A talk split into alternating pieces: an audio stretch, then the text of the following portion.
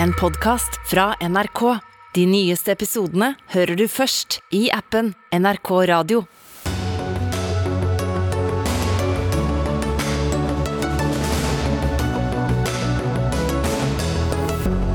Den forrige regjeringen ville ikke ha lønnsstøtte. Dagens regjering ville ikke ha lønnsstøtte. Altså, da blir det lønnsstøtte, da. I går innførte Bergen kommune nye, strenge tiltak for å motvirke omikronsmitte. I dag snur de. De gambler med tilliten og dugnadsånden til bergenserne, mener jusprofessor. Hva er egentlig tilstanden for skogen i Norge? Nå mener biologer at skogindustriens glansbilde har fått dominere altfor lenge. Og de risikerer livet for ytringsfriheten. I ettermiddag tok to journalister imot Nobels fredspris. Vel møtt til Dagsnytt 18, hvor vi også skal diskutere kjønn og Sannhetskommisjonen. I studio, Sigrid Solund. Før regjeringa gikk ut med nye og strengere koronatiltak, varslet den at kompensasjonsordningen for næringslivet ville bli gjeninnført. Den gir bedriftene mulighet til å søke om å få dekket økonomiske tap. Men ordningen som kan sørge for at ansatte ikke blir permittert, den har latt vente på seg helt fram til i dag. Næringsminister Jan Christian Vestre, NHO, LO, Virke, flere partier på Stortinget har bedt om å få en lønnsstøtteordning på plass, sånn at bedriftene heller beholder folk på jobb enn å permittere dem. Nå kommer det noe, men hva er det som kommer? Ja, Det får vi se på, fordi nå har vi satt i gang arbeidet sammen med partene for å finne en god modell på dette. Det er sånn at eh, det fantes ingen nøkkelferdig lønnsstøtteordning som vi kunne ta opp av hatten og innføre raskt. De strengere smitteverntiltakene som jeg har veldig stor forståelse for at en del bransjer nå opplever som belastende, de ble jo først innført natt til i går. For to dager siden innførte vi veldig kraftige økonomiske støtteordninger for næringslivet. Ikke bare den nasjonale kompensasjonsordningen, men også den kommunale kompensasjonsordningen ble styrket med 1 milliard kroner, i tillegg til mange andre tiltak. Så vi har jo gjort veldig mye denne uken. Jeg har hatt daglig kontakt med partene, vi har hatt flere møter med dem. Ja, og der kom, fram, der kom, det fram, at det var behov for ytterligere tiltak. og Derfor har vi satt i gang nå med begge hendene for å få denne ordningen på plass. og Den må utformes riktig og skikkelig, og vi håper å få det i stand ganske hurtig. Men hva er det ved denne ordningen som dere mener nå plutselig er en god idé, som ikke har vært en god idé tidligere? Ja, nå har vi aldri avvist den ordningen, men jeg har ment at de tiltakene tiltakene vi har presentert tidligere denne uken har vært kraftfulle og riktige, så lytter jo vi også på partene. Jeg har som sagt daglig kontakt med dem, og jeg er også bekymret når jeg ser at en del bransjer og bedrifter nå sender ut permitteringsvarsler. Det vil vi gjerne forsøke å unngå. og Det er derfor vi har invitert finansministeren og jeg partene til møte i dag og har satt ned en arbeidsgruppe for å konkretisere denne modellen. Men det er krevende spørsmål fordi at vi må lage en ordning som treffer riktig, som oppleves som rettferdig og som har effekt. og Det er ikke gjort Eh, over natta. Henrik Asheim, stortingsrepresentant for Høyre. Dere etterlyste denne ordningen samme dag som de nye restriksjonene kom. Hvordan kan det ha seg at dere er så utålmodige nå for å få på plass en ordning dere ikke ville ha da dere satt ved makta? Det er for det første fordi situasjonen nå er annerledes enn var da vi satt ved makten. så Det er andre argumenter for ordningen, men grunnen til at vi ble så utålmodige, det var jo at vi hadde også møte med partene. Vi hadde møte med LO, med NHO og med Virke, som kom til Stortinget fordi de hadde opplevd fra regjeringen å få en kald skulder, i hvert fall en slags avvisning av det forslaget. Men dere hadde vel møte med dem også da dere satt ved makta, og det var jo mange som etterlyste en sånn ordning da også. Hva er det som er så veldig annerledes ved situasjonen nå? For det første så innførte vi en lønnsstøtteordning som var der for å hente permitterte tilbake i jobb. Den eh, kom eh, våren og sommeren i år. Det andre vi gjorde, var å komme med kraftfulle tiltak for å sørge for at folk ikke gikk på jobb. Og dette var en annen situasjon. Smitten var veldig veldig høy. Vi måtte sørge for at aktiviteten gikk ned. Det ble forbudt å drive ned den aktiviteten. Nå er man i en situasjon hvor man ikke har stengt landet ned, hvor mange har kommet tilbake i jobb, men hvor bedriftene nå, fordi de ikke får klare svar, varsler permitteringer av de ansatte igjen. Og det er det partene har bedt oss om å unngå, ved å være tydelig raskt på at en sånn lønnsstøtteordning må komme på plass. Er du enig Vester, at det er en helt annen situasjon nå? Eh, ja, det er det for så vidt. fordi at den ordningen som eh, da ble innført sist, langt ute i koronaen, jeg husker ikke akkurat når det var, men det var jo kanskje midtveis eller noe sånt, da hadde vi veldig mange permitterte. Og da var det et ønske fra partene om en ordning som kunne bidra til å få folk tilbake igjen. Det støtta jo vi i Stortinget også.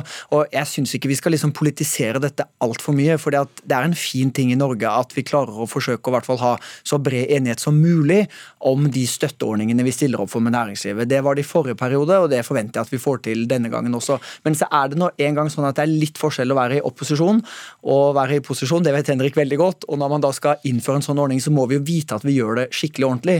For hvis vi ikke gjør det skikkelig ordentlig, så har ikke den ordningen tillit, den har ikke troverdighet ute, og da vil den heller ikke løse de utfordringene den er satt til å løse. Men, Men vi jobber på, og vi er utålmodige, vi også. ja. og Håpet er jo at vi kan få dette på plass veldig raskt. Men hvis vi ser på hvordan en sånn ordning skal være, da, hva som er fordeler og ulemper ved den, hvordan skal man f.eks. ASM sikre seg at ikke bedrifter varsler permitteringer eh, når de egentlig kunne hatt folk på jobb? Hvordan man skal unngå at de varsler Altså at, at, man benytter en ordning som man egentlig ikke har behov for, da.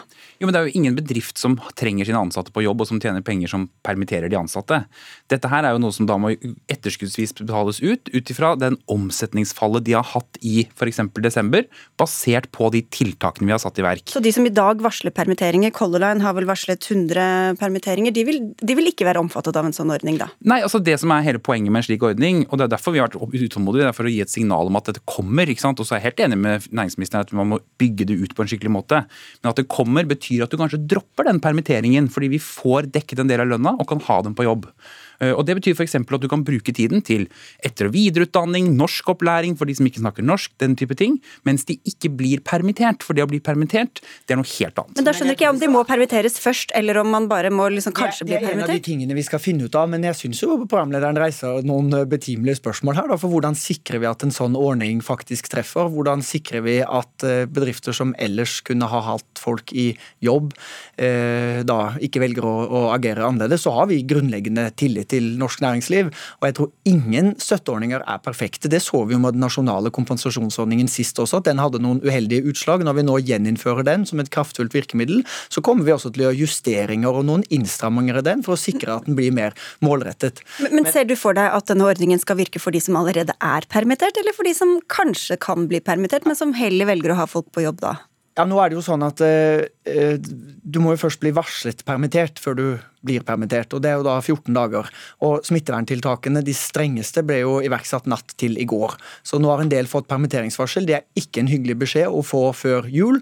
Vi bruker noen dager nå på å få på plass en ordning, og da er jo håpet vårt at når den ordningen kommer som ytterligere et kraftfullt tiltak, så vil det kunne føre til at en del bedrifter revurderer permitteringsvarslene, og at vi derfor forsøker å unngå en del permitteringer. Men jeg tror vi skal være ærlige i denne debatten og si også at når det er nå uro i en del bransjer, så er det ikke mulig å unngå alle permitteringer. Og Permitteringsinstituttet er tross alt en flott eh, nordisk oppfinnelse, for den gir jo sosial sikkerhet og eh, pengestøtte til da arbeidsfolk som ikke har jobb å gå til. Så det er ingen som kommer til å bli overlatt til seg selv, men vi vil jo forsøke at færrest mulig blir permittert, og derfor er vi villige til å stille enda strengere opp. Og Hvis det skulle bli behov nå for ytterligere tiltak, så vil vi også vurdere det. Og så håper jo regjeringen at tiltakene på smittevern fungerer, og at vi så snart som mulig kan gå tilbake til en normal normal hverdag, slik at disse ordningene ikke lenger er nødvendige. Det håper vel alle, men Asheim, ut fra det du sier, så virker det som det, det, bare skal gjelde de som allerede er permittert, og at ikke, folk, at ikke bedrifter da velger å heller beholde folk enn å permittere dem? da? Nei, fordi, og det er dette som er eh, tilbakemeldingen vi får fra partene. det er at, og Grunnen til at de har etterlyst et signal, det er at de forstår også at de pengene kommer ikke inn på konto nå med en gang. De vil baseres på da etterskuddsvis at du kan dokumentere at du har hatt et fall i omsetning. Men det vil bety at du lar være å permittere folk. ikke sant? Du beholder folk på jobb istedenfor at de blir permittert. Det er poenget. Jo, men Hvis du da bare antar at du kommer til å få et fall i omsetning, og at du derfor hadde tenkt å permittere, eller varsler at du vil permittere, men så ser du at nei, da kan du heller beholde folk på jobb. Altså, er, det er, ser ikke du at det er mulighet for oss å utnytte den ordningen? Det, altså, dette er jo det de nå må ramme inn på en skikkelig måte. Men det er, dette, det er her uenigheten vår ligger. Det er at Næringsministeren sier at vi kan ikke gå ut med et signal før vi har hele modellen på plass. Men dette er jo selvfølgelig feil, kan de det. Dette er jo feil. Ja, men selvfølgelig kan dere det. Tirsdag, du har helt rett, og det har vi gjort også. På eh, tirsdag så vedtok vi kraftige økonomiske virkemidler for næringslivet for å holde folk i jobb og bidra til å få bedriften gjennom. Så har vi hatt fortløpende dialog med partene. Jeg møtte dem senest for et par dager siden. Fikk da klare innspill på at vi sannsynligvis trenger mer. Så har vi jobbet med dette internt. Vi inviterte til nytt møte i dag der vi satte i gang arbeidet. Så signalet er gitt, da noen timer etter at de nye smitteverntiltakene er trådt i kraft. Og så er vi utålmodige og sier at ordningen skal på plass så snart det er mulig. Men vi må altså gjøre dette ordentlig og skikkelig, og det ville enhver ansvarlig regjering gjort. Rett og slett fordi at det er kompliserte og vanskelige spørsmål. Så, så jeg syns ikke du skal bidra til å skape større usikkerhet enn det det er, når vi har vært veldig tydelige i dag på at ordningen kommer. Men, vi lytter til partene. Mens vi snakker sammen nå, så sittes det og, og diskuteres hvordan dette kan, kan, løses. Og vi håper å komme tilbake med en konkret ordning så snart som mulig. Men mestre, det er altså slik at uh, Selv om du mener at dere har vært helt klare hele tiden, så er det jo ingen andre som har oppfattet det.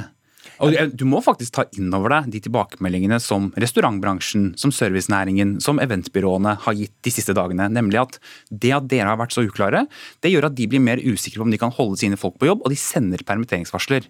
Når dere kommer i dag, så er det kjempebra, men det kunne dere ha gjort mye før, selv om ikke alt er klart. Hva er mye før da? 24 timer tidligere? Eller? Ja, altså På onsdag så kunne de gått ut med det rett etter at de hadde strammet til. Ja, og, og Da gikk vi ut med en kommunal kompensasjonsordning på 1 milliard. Den ordningen har nå 1,2 to milliarder som er klar til å betales ut til bedrifter som trenger det over hele landet. Vi gjeninnførte den nasjonale kompensasjonsordningen, og jeg har sagt i ethvert møte med partene og i ethvert okay. intervju at mm. er det behov for flere tiltak, så stiller vi opp, og det er det vi nå også gjør. Okay, så, La oss ikke lage dette til større enn det er. Det er nå er det viktigst at bedriftene der ute ja. forstår at det kommer ting. Og når kommer ting?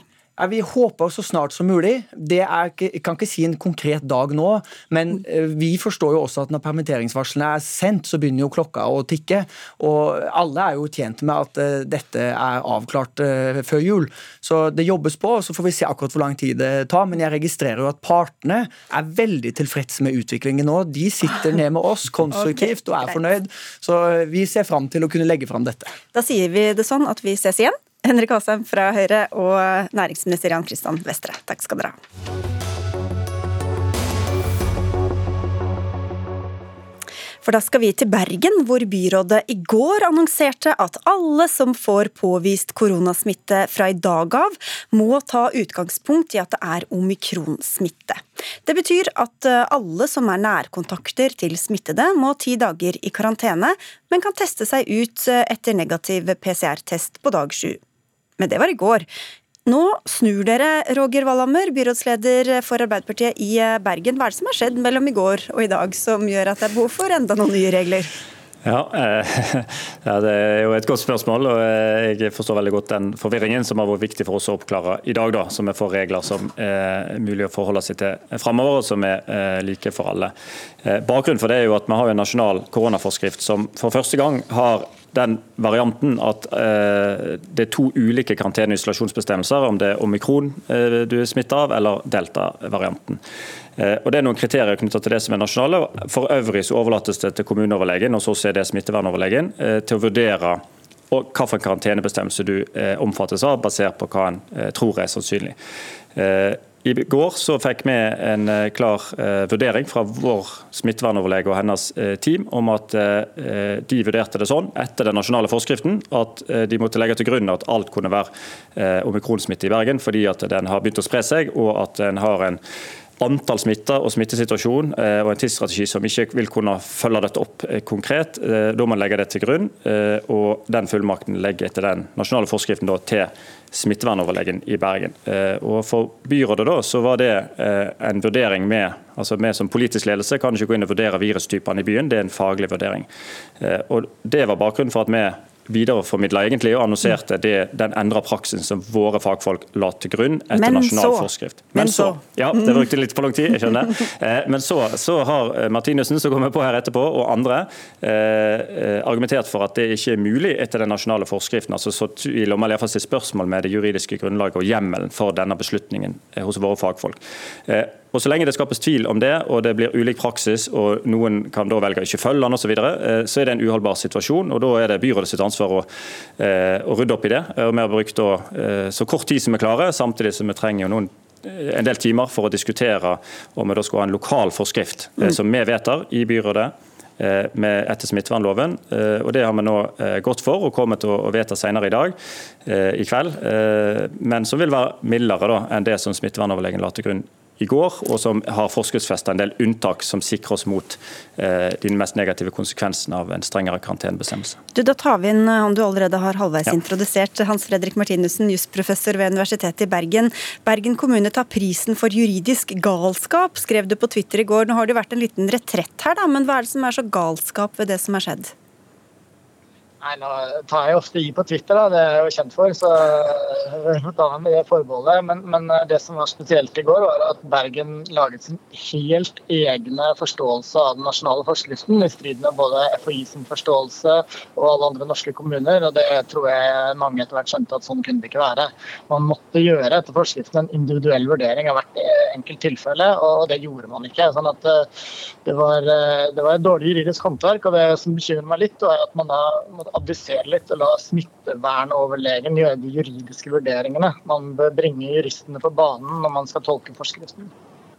Men hva er det som er galt ved å ligge litt i, i forkant i en så uoversiktlig situasjon som både Bergen og andre befinner seg i nå? Det er ikke nødvendigvis galt å ligge i forkant, men man må følge de grunnleggende spillereglene i rettsstaten og demokratiet, som bl.a. gjør at man må da vedta en forskrift. Og når man da skal vedta en forskrift, så må man også redegjøre grundig for de vurderingene man gjør av medisinsk-faglig begrunnelse, for nødvendighet og for forholdsmessighet, som jo man egentlig da jukset seg litt unna med denne kreative juridiske vrien.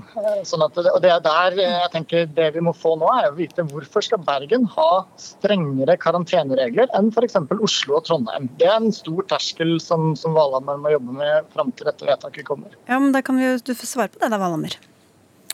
Ja, og eh, først bare for å ta det da, så er jo eh, våre både smittevernoverlege og kommuneoverlege både i Bergen og andre steder har jo veldig mange fullmakter etter smittevernloven og, og andre lover som de fortolker eh, hele veien. Og Dette har vært en da, fortolking av den forskriften. og jeg tør i hvert fall bare minne om at dette er ganske nytt, da, og det er en ny forskrift. og At det kan være ulik forståelse av det, tenker jeg vi må Eh, kanskje akseptere. Eh, men når den eh, så tvil om, og som Martinussen og andre har sagt at nei, de er ikke enig i den eh, vurderingen. Eh, og Hvis det er tvil om grunnlaget, så var da vår vurdering at da må vi gjøre en vurdering i byrådet. Og definitivt, som Martinussen er inne på her, da gjør de vurderingene som vi har gjort i snart to år, eh, i mange tilfeller etter smittevernloven. Det er forholdsmessighet, det er nødvendighet, konsekvenser av tiltaket, veier ulike hensyn opp mot hverandre. Og Det er jo det vi har gjort i dag, og som vi også skal få skriftliggjort før vi gjør vedtak. sånn at det er mulig for alle å vurdere på egen hånd om de er enig i de vurderingene vi da selvfølgelig har gjort. Men dere er jo en stor by, en stor kommune. Selv om det er litt nye forskrifter og sånn som kommer, så, så har vi jo vært i denne situasjonen ganske lenge nå. Hva slags apparat er det dere har for å ta de juridiske vurderingene i Bergen? Altså, vi har jo, som du er inne på, som jeg nevnte, altså, vi har stått i dette nå i snart to år, og vi har utrolig dyktig eh, lokal kompetanse i Bergen. Både på, eh, på smittevernsida, eh, folkehelsesida, eh, på juridisk side.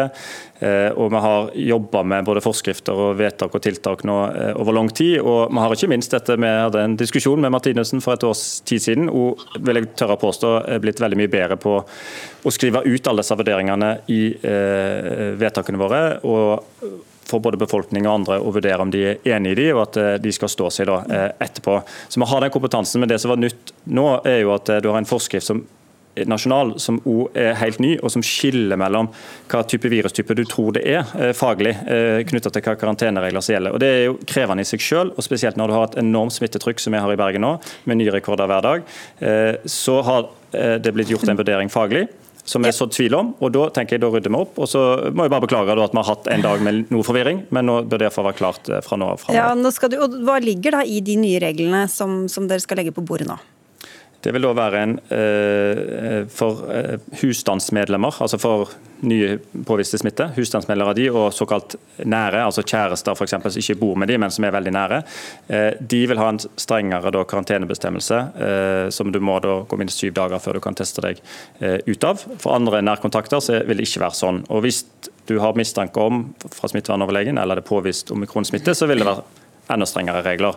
Men det betyr at for de nærmeste nærkontaktene, for å si det litt enkelt, så vil det være strengere karanteneregler da i Bergen, i likhet med våre nabokommuner. Så det vil være eh, en lik vurdering. Og så har vi vært opptatt av at det skal være gode, en god begrunnelse da, for at vi skal ha strengere regler enn våre nabokommuner, selv om vi står i en litt tøffere situasjon. Eh, og vi vurderer dit hen at det er klokt å ikke ha strengere regler enn nabokommunene akkurat der vi er nå. Hvor lang karantene blir det da? Spurte du meg nå? Mm -hmm. Ja.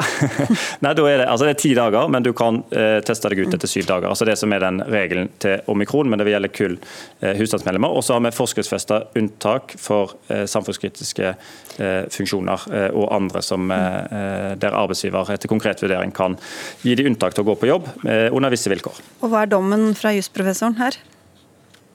Sikkert ikke god. Kjenner jeg han rett? Noen av disse reglene er veldig inngripende. Blant annet så Hvis man har eh, barn som da er, eh, blir covid-smittet, så skal man eh, være isolert i hele den perioden de skal være isolert. Og så skal man ha ti dagers karantene etterpå. Det er, for vaksinerte foreldre så er det et voldsomt inngrep. og Da er jeg spent på å se forholdsmessighetsvurderingene som ligger til grunn. Ja, for Man skal jo helst ha et samfunn som går rundt samtidig, Valhammer. Hvordan skal det gå nå? Det er jo litt av bakgrunnen for at det, Når vi gjør en forskrift, så må vi legge inn unntaksbestemmelsene i forskriften, sånn at de er tydelige på hva unntak som gjelder, og hva tilfeller det gjelder, og hva vilkår det da eh, må følges. Og Da vil en sørge for at alle altså helsepersonell og andre samfunnskritiske Eh, personell vil kunne gå på jobb. Eh, du vil jo eh, ha den, Dette er den samme bestemmelsen vi levde med i nesten jeg skal ikke si halvannet år, men fram til den ble tatt vekk. da. Sånn at Det er en kjent bestemmelse. og det knytter seg til at Hvis du er nærkontakt til noen som har påvist smitte, så får du en ti dagers karantene som du kan teste deg ut av med en PCR-test etter syv dager. Sånn, sånn som det har vært tidligere. Og Vi mener at det er forholdsmessig en situasjon Bergen står i nå, med, i fall med de unntakene vi da har lagt inn i denne bestemmelsen. og at eksempel, hvis du går i en klasse eller andre ting eh, og er nærkontakt med noen, så vil du ikke bli rammet av dette. Det, det, er da husstandsmedlemmer, egentlig, der vi vet at smitten sprer seg veldig raskt. Og så går han videre fordi de ikke sitter i karantene. Det var dagens eh, regelverk. Så får vi se hva som gjelder eh, de neste dagene og ukene. Takk skal dere ha, Roger Wallhammer, byrådsleder i Bergen, og Hans Fredrik Martinussen, jusprofessor ved Universitetet i Bergen.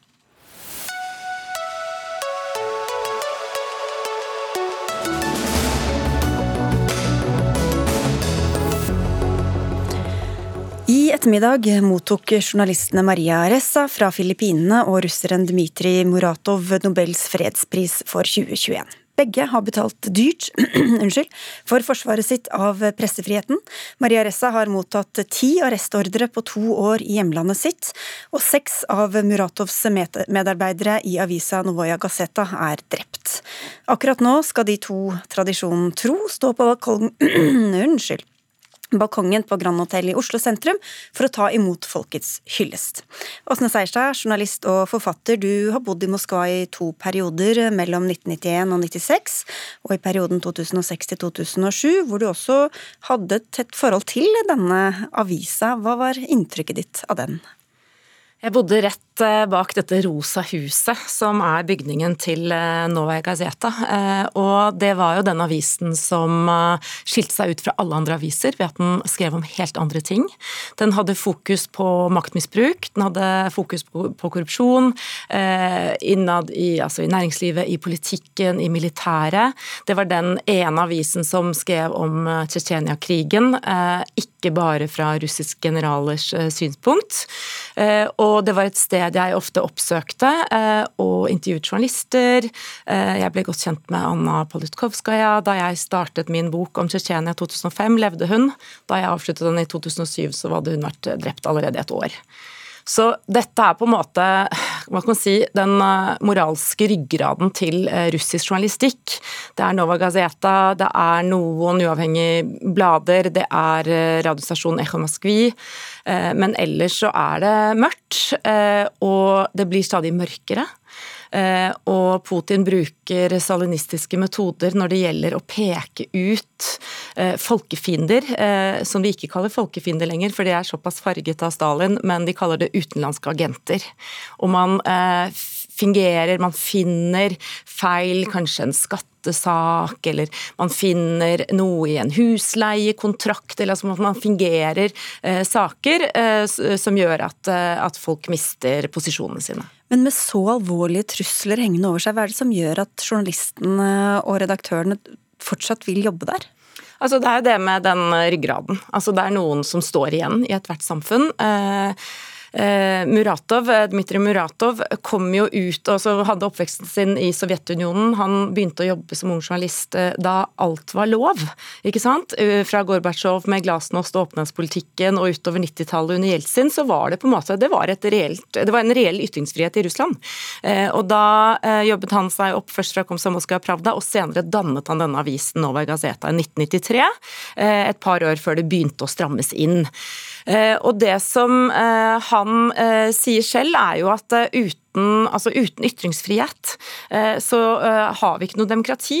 Og det er også det sånn som han sa i sin veldig sterke tale i dag, hvor han også snakker om at den militariseringen som foregår i Russland og andre steder i verden, og på en måte fremelskingen av, av diktatur fremfor demokrati i, i, i, Russland, ikke sant, med torturmetoder og, og mange av disse altså De går tilbake til fortiden sin. Så er det for ham er dette, i hvert fall slik som han fremstår, det eneste han kan gjøre for å på en måte eh, fortsatt kunne si at det er en kamp for et demokrati i Russland. Vi må litt til den andre mottakeren også. Anders Tvegård, korrespondent i USA, du er med oss fra New York. Du traff Maria Ressa i Boston rett før hun reiste til Norge for å motta fredsprisen, og det var ikke noen selvfølge at hun i det hele tatt fikk reise, forstår jeg?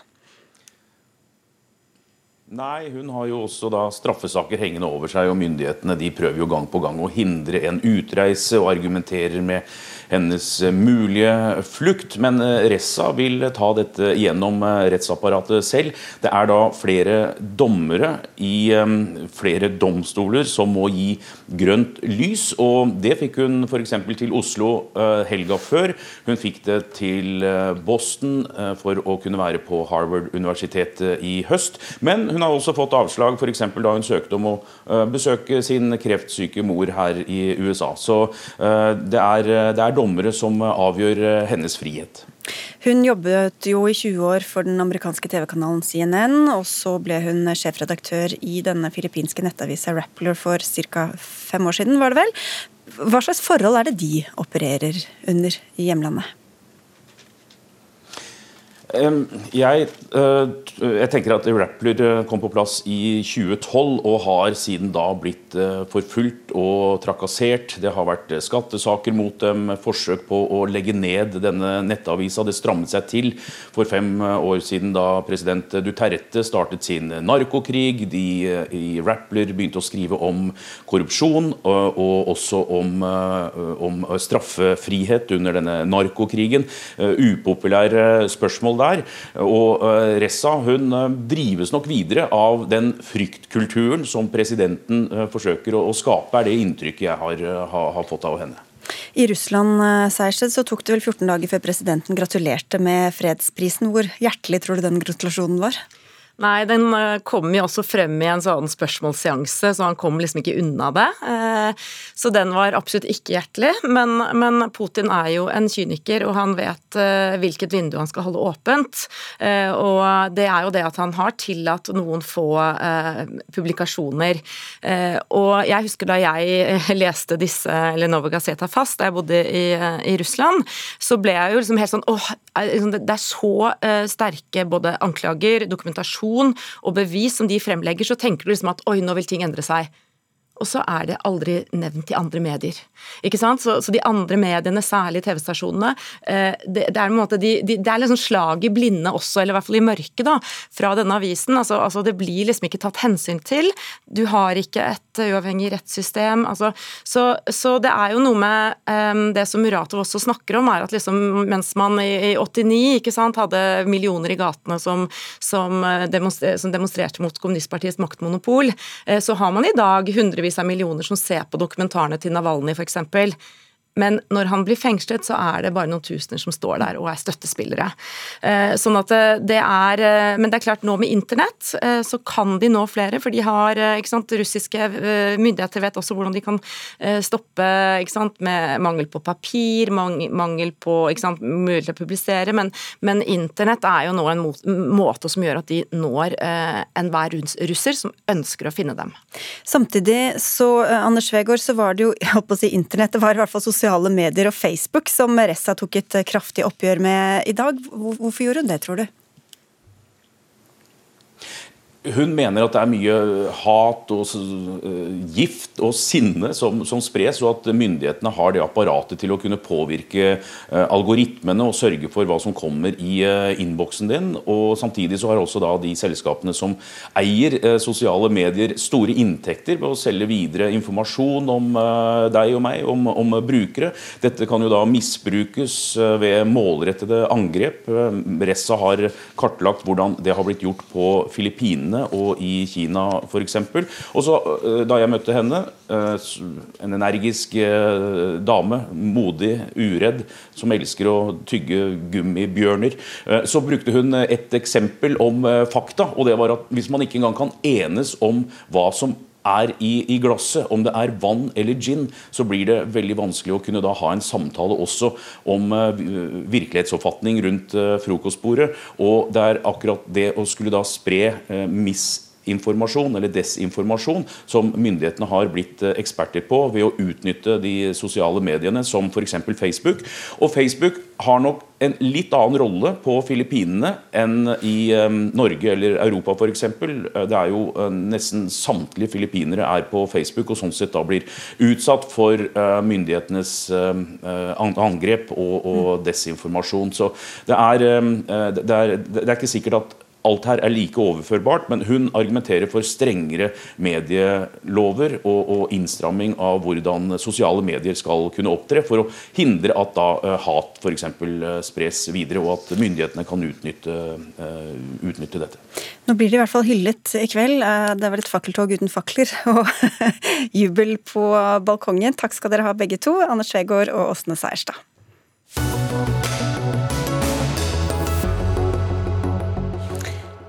Du har eh, kanskje gått en tur på stien, søkt skogens ro, tittet opp i grantrær og furuer og tenkt at vi i Norge er velsignet med en masse urørt og gammel skog. Vel, det er langt fra sannheten ifølge en artikkel i Dagens Næringsliv, der flere biologer roper varsko om tilstanden for norsk skog og artsmangfold. Du er en av dem, Anne Sverdrup Tygeson. Du er professor i biologi ved Norges miljø- og biovitenskapelige universitet på Ås. Og du sier at vi i Norge har latt skognæringen diktere i altfor mange år hva som er historien om norsk skog. Hva er den sanne historien, etter deres syn? Jeg er jo opptatt av at eh, folk flest skal få høre en kunnskapsbasert eh, og bred fortelling om skogen. Ehm, en som beskriver skog som et helt økosystem, og ikke bare som et produksjonsareal for tømmer. Eh, og så tenker jeg at det er helt ok at skognæringen snakker for sin næring, men det betyr ikke at man kan holde seg med en med alternative fakta, eller med en virkelighetsbeskrivelse som ikke i det hele tatt matcher den et samlet kunnskapsmiljø står bak. Det kom f.eks. en rapport i sommer um, fra, som sprang ut fra et regjeringsoppnevnt ekspertutvalg, som skulle beskrive en slags sånn helsesjekk for skogen. Og Konklusjonen i den rapporten er jo at uh, den økologiske tilstanden i skogen er langt under grensen for god tilstand. Og Det betyr at vi risikerer at den ikke på sikt kan levere hele bredden av naturgoder. Og Det er jo litt det samme bildet som vi også ser i rødlisten, som ble presentert for ja, det er vel to uker siden omtrent. Som også viser eh, et høyt antall arter som er rødlistet i skog. Eh, og vi vet at 84% av eh, de er truet fordi de har for lite gammel skog med gamle trær og mye død ved. Hvorfor er det så viktig hvilke trær som står hvor, og hvilke arter som bor der? Nei, altså De rødlistede artene, hvis vi mener alvor med at vi skal ta vare på artsmangfoldet i Norge, så er det sånn at uh, et antall arter av, de som bor i skogen vår, de har spesielle, snevre krav til hvor de kan bo. De er knyttet til uh, typer av gamle trær, typer av død ved. Um, og det er former for død ved og gamle trær som du ikke finner i en produksjonsskog. Det er eh, miljøelementer som du finner i naturskogen. Den som ikke har vært flatehogd, og som har fått stå og vokse seg gammel og variert. Eh, og Det er jo grunnen til at de havner på rødlista, når vi da presser det naturskogsarealet så det blir mindre og mindre. Per Skorge, du er administrerende direktør i Norges Skogeierforbund. Det står dårlig til, kjenner du deg igjen i den virkelighetsbeskrivelsen? Nei, det, det, gjør litt vondt å høre på den beskrivelsen. Fordi uh, utviklingen sånn som uh, det måles uh, fra de offentliges side, ikke fra vår side, det er at det er to målemetoder som brukes for å se på artsmangfoldet, eh, f.eks. Eh, og det ene er å se hvordan er, står det til med livsmiljøene, som er viktig for, for de sjeldne artene. Og, og, livsmiljøer her, altså hvor de trives, det er bl.a. sånn som eh, Tygeson her nevnte, døde trær, gamle trær, løvskog osv. Når vi måler det, så ser vi, ikke vi da, men det offentlige måler det, så ser de at det er en kraftfull og en positiv utvikling i de leveområdene. Og bare sånn som i, i, Når det gjelder eh, gammelskog, så er, vi har vi en 50% økning bare de siste 20 åra. Fra, fra, hva? Hva var utgangspunktet? Eh, de siste 20 åra, altså en eh, økning i gammelskog. Jo, men Hva var utgangspunktet for den gamle skogen? Ja, altså, Jeg tror ikke jeg kan si et sånt tall på det, men, men hvis vi ser da gjennom hele den perioden som fra, fra at skogen var uthogd for 100 år siden, så har vi jo enormt mye mer gammelskog og skog i det hele tatt. Og Så må jeg ta den andre også, for det er en måling til, og det ble nevnt her av Tygesen, og det er jo denne rødlista. Og det er, eh, Vi tenker at det må vi også kunne bruke det verktøyet, men det er å se hvordan har utviklingen på rødlista vært. Eh, og Det er sånn måling sånn hvert 2015, eh, og så er det i år. og Da ser vi at det er altså flere arter som går ut av denne lista, skoglevende arter, og det er flere som blir regna som mindre trua. Så når vi ser dette her, så tyder jo dette på at vi har en god utvikling. Og så tenker vi, jeg må få si det også, vi er ivrige på og engasjert for å bli bedre. Men når alt fra akademia, eh, representert ved Tygeson, og fra, fra miljøsida sier at alt er svart og mørkt, eh, så er ikke akkurat det gir ikke akkurat noe boost. Eh, det må jeg kunne si. Mange ting på en gang her. For å ta det med, med død ved. Det er jo særdeles viktig hva du sammenligner med. Uh, ja, det har blitt mer død ved i skogen siden et absolutt bunnpunkt på tidlig 1900-tall, som var et resultat av rovhogst gjennom 1800-tallet. Det er greit, det er den ene delen av sannheten. Men så er det jo også et poeng å si at den dødvedmengden vi har i skogen i dag, den er omtrent 15-20% av den mengden vi ville hatt i en skog der vi ikke drev skogbruk. Og da er ikke poenget mitt at vi ikke skal drive skogbruk, for det mener jeg absolutt at vi skal. Men poenget er igjen å formidle et faglig korrekt bilde. Fordi dette er den skogen som artene som lever i skog, tross alt er tilpasset å leve i.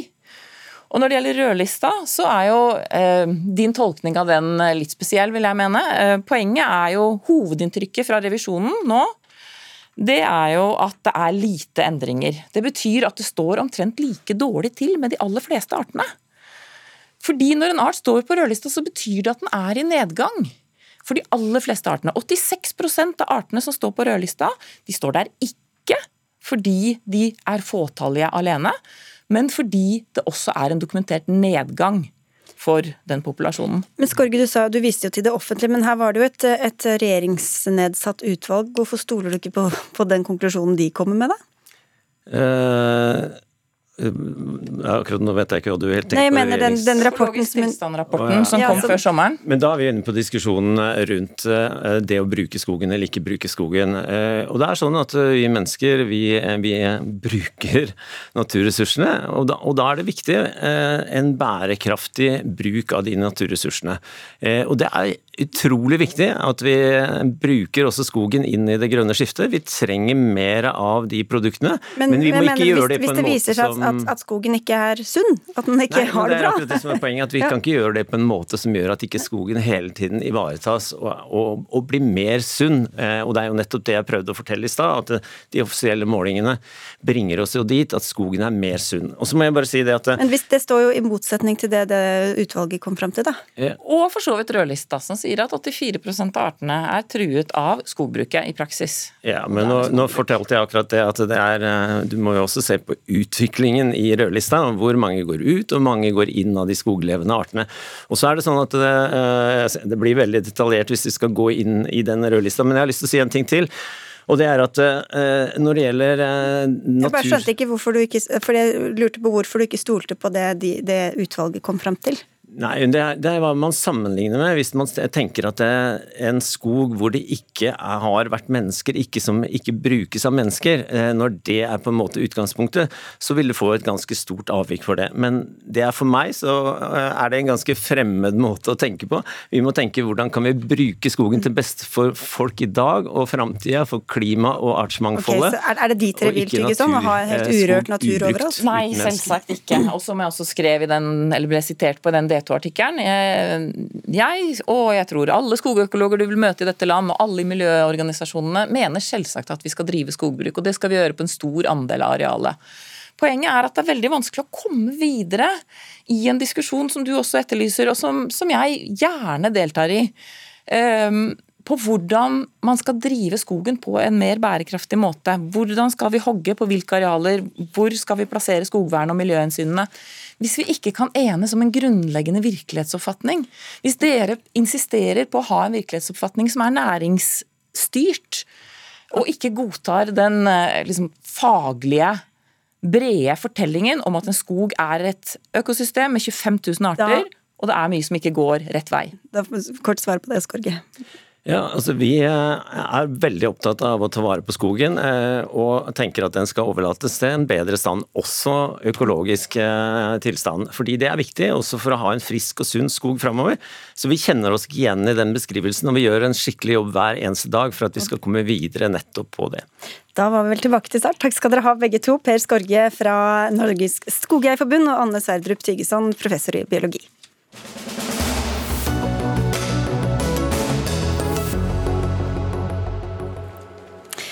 Hvis du er en av dem som ikke har hørt om Sannhets- og forsoningskommisjonen, så er du ikke alene om det. Kommisjonen skal granske hva fornorskningspolitikken gjorde med landets kvener, norskfinner, samer og skogfinner. Til slutt skal kommisjonen også foreslå tiltak til ytterligere forsoning mellom gruppene. Men bare én av fire har fått med seg at det finnes noen sånn kommisjon, og det skriver du i et innlegg i Vårt Land at er urovekkende, Elin Skaar. Du er seniorforsker ved Christian Michelsens institutt, og er også med på forskningsprosjektet Trukom, som følger arbeidet til kommisjonen tett. Det er jo mange kommisjoner til enhver tid. Da. Hvorfor er det så urovekkende at såpass få kjenner til akkurat denne? Jeg tror hovedsvaret på det er at eh, kommisjonen eh, skal prøve å nå ikke bare de fire gruppene du nevnte, eh, urfolk og minoritetsgrupper i Norge, men de skal òg prøve å nå ut til majoriteten i landet. Og hvis du vil nå ut til majoriteten, da må du nå ut til flere enn en fjerdedel. Du sier at de ikke har lyktes i å være helt synlige i arbeidet sitt. Hvordan har de ikke det? Um, da tenkte jeg først og fremst på hvor mange som faktisk kjenner til kommisjonen. Altså Kommisjonen har vært aktiv. Eh, de har drevet utbredt møtevirksomhet. De har vel hatt ca. 100 møter rundt omkring i Norge. Eh, og De fleste av de møtene har ligget i den nordlige delen, i Troms, i Finnmark, eh, i Nordland, i Trøndelag. Noen møter i Oslo og på Finnskogane. Eh, men det er likevel store deler av Norge som ikke har hatt på en måte en mulighet til å fysisk i alle fall delta på disse møtene. Og så har det vært begrensa medieoppmerksomhet rundt de møtene. Media har stort sett konsentrert seg eh, om de møtene som har skjedd i nord, eh, og stort sett lokalmedia. Så det har ikke vært så mye presse egentlig på kommisjonen i nasjonalt media, og da tenker jeg spesielt på Oslo-pressa, men òg på Bergenspressa. Dagfinn Høybråten, du leder denne sannhets- og forsoningskommisjonen. Litt sånn orwellsk navn får vi assosiasjoner til. Er du fornøyd med hvor mange som kjenner til arbeidet deres? Ja, egentlig er jeg det. Fordi at én uh, av fire i majoritetsbefolkningen er slett ikke så dårlig uh, når vi tenker på hva dette handler om. Vi skal altså ta et oppgjør med 150 års uh, fornorskning som har usynliggjort samer og kveners språk og, og kultur i dette landet. Og eh, Det er en del av historien som er eh, i utgangspunktet ganske ukjent for eh, folk flest i Norge, men som allikevel kaster lange skygger innover vår egen tid. Og vi skal kartlegge hva som skjedde. Vi skal finne fram til sannheten om hva som skjedde. Ingen forsoning uten sannhet, for å bli litt i dagens ordbruk fra Nobelutdelingen. Eh, men vi skal også kartlegge konsekvensene. Hva førte det til? Og så skal vi foreslå tiltak for videre forsoning. Det har vår oppdragsgiver i Stortinget sagt. Men, men, hvordan altså En ting er jo at de det gjelder, vet om dere, men uh, hvordan skal dere få en forsoning når majoritetsbefolkningen, eller i hvert fall mange, ikke engang vet at dere fins? Vi uh, skal definitivt kartlegge også hva dette har gjort med majoritetsbefolkningen. Vi setter i gang noen undersøkelser av det nå. Blant annet ser vi på holdninger, og vi ser på kunnskap. Eh, og det som eh, vil komme ut av det, eh, tror jeg i hvert fall kan si på forhånd, er at vi har alle lidd et tap. Majoritetsbefolkningen har lidd et tap. Fordi at det mangfoldet som har vært der, og, og som delvis er, er undertrykt og, og, fortiet, det har det store flertall gått glipp av. Og Det tror jeg vil bli en øyeåpner når vi får legge fram resultatene av denne granskingen. Men vi kan jo ikke legge fram resultatene underveis. Det må vi faktisk gjøre overfor oppdragsgiveren vår, Stortinget. Er, er du litt utålmodig, Skår? Eh, jeg er litt utålmodig. Jeg gleder meg til rapporten og til funnene. Men jeg tror faktisk at Og jeg gir eh, Dagfinn Høybråten rett i veldig mange ting. Um, og det arbeidet som pågår er kjempeviktig. Og derfor tenker jeg at uh, det er viktig å på en måte berede grunnen eh, for eh, rapporten som kommer. Og jeg tror at det til bedre arbeid kommisjonen gjøre i forkant. Eh, og Da snakker jeg ikke om å kommunisere funn underveis, men til flere folk som på en måte er interessert i kommisjonen og har forventninger til kommisjonen.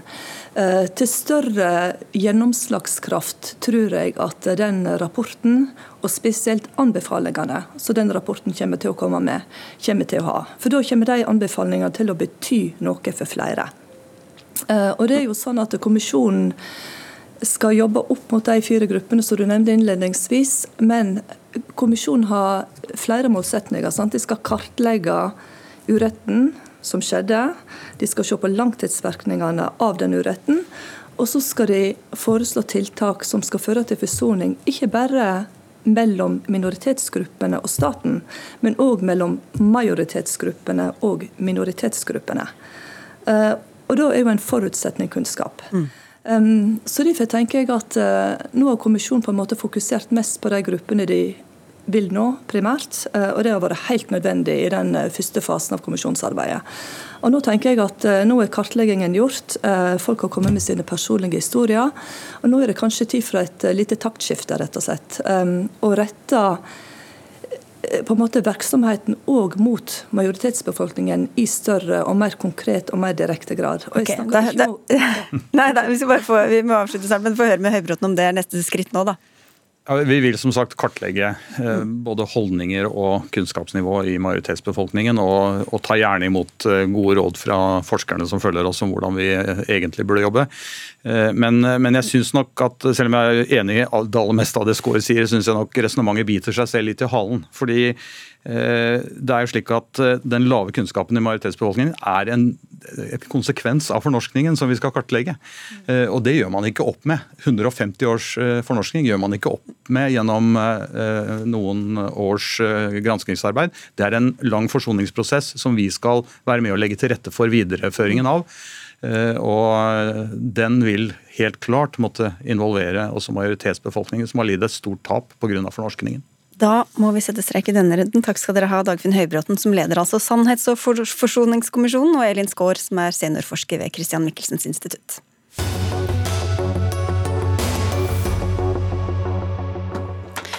Oppfatninger om kjønn er i endring, og tokjønnsmodellen er i flere sammenhenger utdatert. Ved fødsel tildeles kjønn på bakgrunn av kjønnsorganenes utseende. Dette er sitater hentet fra noen av de nye kapitlene om kjønnsidentitet i Store norske leksikon. Nå har leksikonet mottatt en klage over måten kjønn blir framstilt på i flere av artiklene sine. Og du er en av dem som står bak klagen, Anne Kalvik. Du underskriver som professor i religionsvitenskap ved Universitetet i Stavanger, og du er også nestleder i organisasjonen Women's Human Rights Campaign, som kjemper for å beholde kjønnsbaserte rettigheter. Hva er det ved disse og andre formuleringer som dere mener er problematiske? Ja, Først så vil jeg understreke at uh, Women's Human Rights Campaign ikke har noe med denne klagen å gjøre. Denne har jeg skrevet sammen med 22 andre fagpersoner og brukere av Store norske leksikon, som jeg har skrevet som eh, fagperson, som akademiker. Og Det vi tar tak i, det er at Store norske leksikon over tid har blitt misbrukt av aktivistiske aktører til å formidle pseudovitenskap, propaganda og usannheter, rett og slett, om kjønn og seksualitet. Og dette er en situasjon som har vært medvirkende til at den alminnelige oppfatningen av kjønn i Norge er blitt radikalt endra på korte tid, og som har beredt grunnen for at vi kunne få verdens mest radikale lovgivning på feltet kjønn når det gjelder kjønnsskifte. Ikke i noe annet land i verden kan barn ned til seks år skifte såkalt kjønn, og det er bare med én forelders samtykke. Til sammenligning så må en ha begge foreldres samtykke for å få koronavaksine. Du, da, vi, kan gå rett til Espen Ester Pirelli Benestad, du er lege og professor emerit ved Universitetet i Agder, og jo, har skrevet flere av disse artiklene som Kalvik viser til. Ehm, hva sier du til eh, kritikken mot måten å beskrive kjønn og kjønnsidentitet på? Ja, hvor skal en begynne? Ehm, når en skal finne ut av det som heter kjønnsidentitet, og skal forholde seg vitenskapelig til det, så foregår det i to-tre runder. Den første runden det er at noen sier 'jeg er'. Og det 'jeg er', det er jo en helt subjektiv opplevelse. Hvis det etter hvert kommer en del andre som sier 'jeg er', omtrent på samme måten og beskriver sin opplevelse veldig likt det de andre gjør, så kan vi si at vi er kommet til et nivå hvor vi har et fenomen. Og Hvis da det blir stadig flere som beskriver seg selv og sin subjektive opplevelse, som f.eks. avviker fra det vi kaller tokjønnsmodellen, ja, da har vi empiri. Og det er på en måte ingen annen måte å bli klok på dette enn ved å spørre de det dreier seg om, og spørre tilstrekkelig mange til at man kan si at slik, slik er det. Eh, og eh, jeg har alltid elsket leksika. Jeg levde opp med leksika. Og der gikk vi og spurte om hva ting er.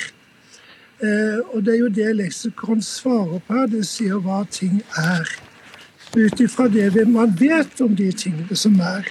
Men, for, eh, men, bare et øyeblikk, Benstad. For Anne Kalvik, du, du beskriver jo en, en, si, en, tendens i samfunnet eller lovgivning. Men, men, nå, hvis vi forholder oss til de faktiske artiklene i Store norske leksikon, hva er det som er faktuelt feil, mener du der? Ja, En bruker jo f.eks. frasen 'kjønn tildelt' eller 'tilskrevet ved fødsel'. Det er jo bare vås. Det er jo ingen som får tildelt et kjønn ved fødsel. Kjønn blir bestemt ved befruktningen, og det blir registrert ved fødsel. Men det en har greid å, å formidle gjennom å ha denne frasen gjennomgående i en drøss med artikler, det er jo at biologisk kjønn er nærmest noe konvensjonelt. Noe som tilfeldigvis blir bestemt av helsepersonell, og som bare barnet da er eh, i all sin rett til å bestemme, er noe annet. Og Benestad nevner kjønnsidentitet som noe vi vet hva er. Det gjør vi jo slett ikke. Det, bygger jo på et fullstendig sånn eh, sirkulært argument om at kvinnelig kjønnsidentitet er følelsen av å være kvinne. Og følelsen av å være kvinne, det er en kvinnelig kjønnsidentitet. Jeg har ingen kvinnelig kjønnsidentitet. Jeg er dame. Bennestad. Ja, hva skal jeg si til dette her? Jeg må bare gjenta det at det er en rekke mennesker som sier at min kjønnsidentitet er, og da er det ikke min rett å si at nei, det er den ikke, eller at det er feil. Eh, og jeg tror også kanskje vi kan rydde opp i iallfall én misforståelse i dette landskapet, og det er at ofte så sier man at biologisk kjønn det dreier seg om om eggceller og sædceller, som jeg er helt enig i. Og det er absolutt todelt. Men det er også det eneste som er det. Ser man på kromosomer, gener, hormoner, kjønnsorganer, hva som helst, så ser man at det er mange flere muligheter enn to. Og, og dette har man jo forholdt seg til på mange forskjellige vis. Det er noe som heter intersex. Og når det kommer et intersex-barn til verden, så er det ikke så lett bestandig å si ja, er nå dette en gutt eller er det en jente? Eller skulle det nå være noe annet? Og, det, og, dette med å bli tildelt Man kan godt si registrert for min del, jeg har ikke noen sterke følelser på det. Men det som brukes mest internasjonalt, det er 'assigned at birth'. Mm.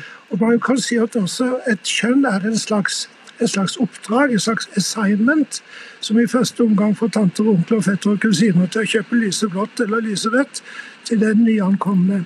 Så det ligger veldig mye mer enn bare en ren registrering i dette. Kalvik, du skal få ordet, men vi må slippe til Erik Bolstad også, for det er jo kritikk mot Store norske leksikon dere kommer med her. Du er, du er redak sjefredaktør der. Si litt om hva, hvordan velger dere ut hvem som får skrive artiklene, og hvordan dere kvalitetssikrer det dere trykker? Eh, de som er fagansvarlige hos oss, nå har vi ca. 1000, er stort sett akademikere eller forskere på et av universitetene. Um, og så har vi veldig mange frivillige bidragsytere. Og så får vi mange innspill uh, fra lesere hver eneste dag. Det er 182 000 artikler i leksikonet. Um, så ja, det kommer ganske mye. Så vil jeg si at Vi har jobba med kjønnsidentitetskategorien en god stund. og Vi var i gang med en full gjennomgang av den kategorien. Det er jo et aktuelt tema i tida. Um, så Da vi fikk dette brevet fra Kalvik, så leste vi det grundig. og Noe av det hun påpekte, syns vi var gode penger, mens andre ting er vi uenig i. Og Når hun sier at vi formidler propaganda og pseudovitenskap og ideologi, så um, er vi ikke enig i det. Det stemmer ikke. Men vi syns at noen av artiklene om kjønnsidentitet kunne vært bedre på flere måter. Altså, noen av dem lener seg for mye på en sånn sosial forståelse av kjønn, og har for lite biologi, mens andre er for biologitunge, uten nok verken sosiologi eller mm. psykologi. Men eh, Anne Kalvik, du sa dere er fagpersoner som har skrevet under på dette brevet. Du er professor i religionsvitenskap. Hvorfor mener du at du og de andre har ekspertise på dette området? Ja, Vi er jo voksne mennesker som eh, kan lese. Mange av oss er jo da akademikere fra ulike fag, som òg gjør at vi er særlig kompetente til å kritisk lese eh, tekster. Og som religionsviter så er jeg jo særlig kompetent til å gjenkjenne metafysikk og eh, transcendente påstander forkledd som, eh, som, sannhet. Og det mm. er det mye av her. Og jeg hører jo at Bolstad sier at de er enige med oss, med oss, i Norge, men denne situasjonen har jo vedvart i et tiår. Og det tiåret har vært helt, helt grunnleggende for at vi har fått de lovendringene som en endra språkforståelse og en, et paradigmatisk skifte uten et solid kunnskapsgrunnlag. Altså et, et falskt paradigme som har blitt etablert. Det er kjempealvorlig, og vi ser konsekvensene av det i dag. Og det underminerer kvinners rettigheter. Og det utsetter barn for eksperimentell og irreversibel behandling. Dere, Tida flyr fort her, men Bolstad, et av eh, kritikkpunktene også er vel at eh, en forfatter som Benestad, som også har eh, det de mener aktivistisk bakgrunn for å skrive disse artiklene, hvordan, hvor, hvorfor syns dere at det er OK. Eh, Benstad er lege, spesialist i klinisk sexologi, professor i sexologi ved Universitetet i Agder og har forska på kjønn og transtematikk. Eh, det har så vidt jeg vet ikke Kalvik eh, gjort. Og Espen Ester er en dyktig fagperson, men er jo, det er ikke noe hemmelighet at hen også er en aktør på det feltet. Det løser vi med tett oppfølging fra redaksjonen, og vi henter inn flere fagpersoner med en annen kompetanse som medforfattere og få andre til å lese gjennom og vurdere. Benestad. Jeg må jo si det at Som fagperson i dette feltet her, så er det uunngåelig at man også blir aktivist. Jeg kan sitere Ellen Lahn, som er eh, en av verdensmestrene i kvinnelig seksualitet. Hun sier akkurat det samme. Etter å ha jobba i dette feltet en stund, som forsker og vitenskapsperson, så blir man nødt til å bli aktivist. Og Jeg syns kanskje at eh, Kalviks innlegg her og hennes holdninger, sånn som jeg kan oppfatte det med mine ører, det kaller på litt motaktivisme. Eh, for her er det jo definitivt ideologi ute og går. Og um, Mm. Nei, det er ikke det. I klagen vår så har vi oppført en bråde med kvalitetssikra referanser, nasjonale kunnskapsgjennomganger, solid forskning i velrenommerte tidsskrift som nettopp tilbakeviser de påstandene som artiklene dine er fulle i. Så kom ikke her og si at det er uvitenskapelig. Og det, jeg har jo ikke skrevet dette alene. Vi har òg leger og biologer med på laget. Da, vi må avslutte veldig fort. Du får ti sekunder, Benestad. Ja, det finnes masse, masse masse velrenommerte tidsskrift som sier noe helt annet enn dette. Og mitt råd det er, skal man mene noe, Skal en ha en rettferdiggjort mening i dette, snakk med 100 personer som opplever kjønnsinkongruens. Da blir du klokere. Og så kan man gå, i mellomtiden gå inn på Store norske leksikon og gjøre seg opp sin egen mening. Takk skal dere ha alle tre for at dere var med i Dagsnytt 18. Vi må takke for oss, Anne Katrine Førli, Helge Svensson og Sigrid Solund, og ønske en god kveld.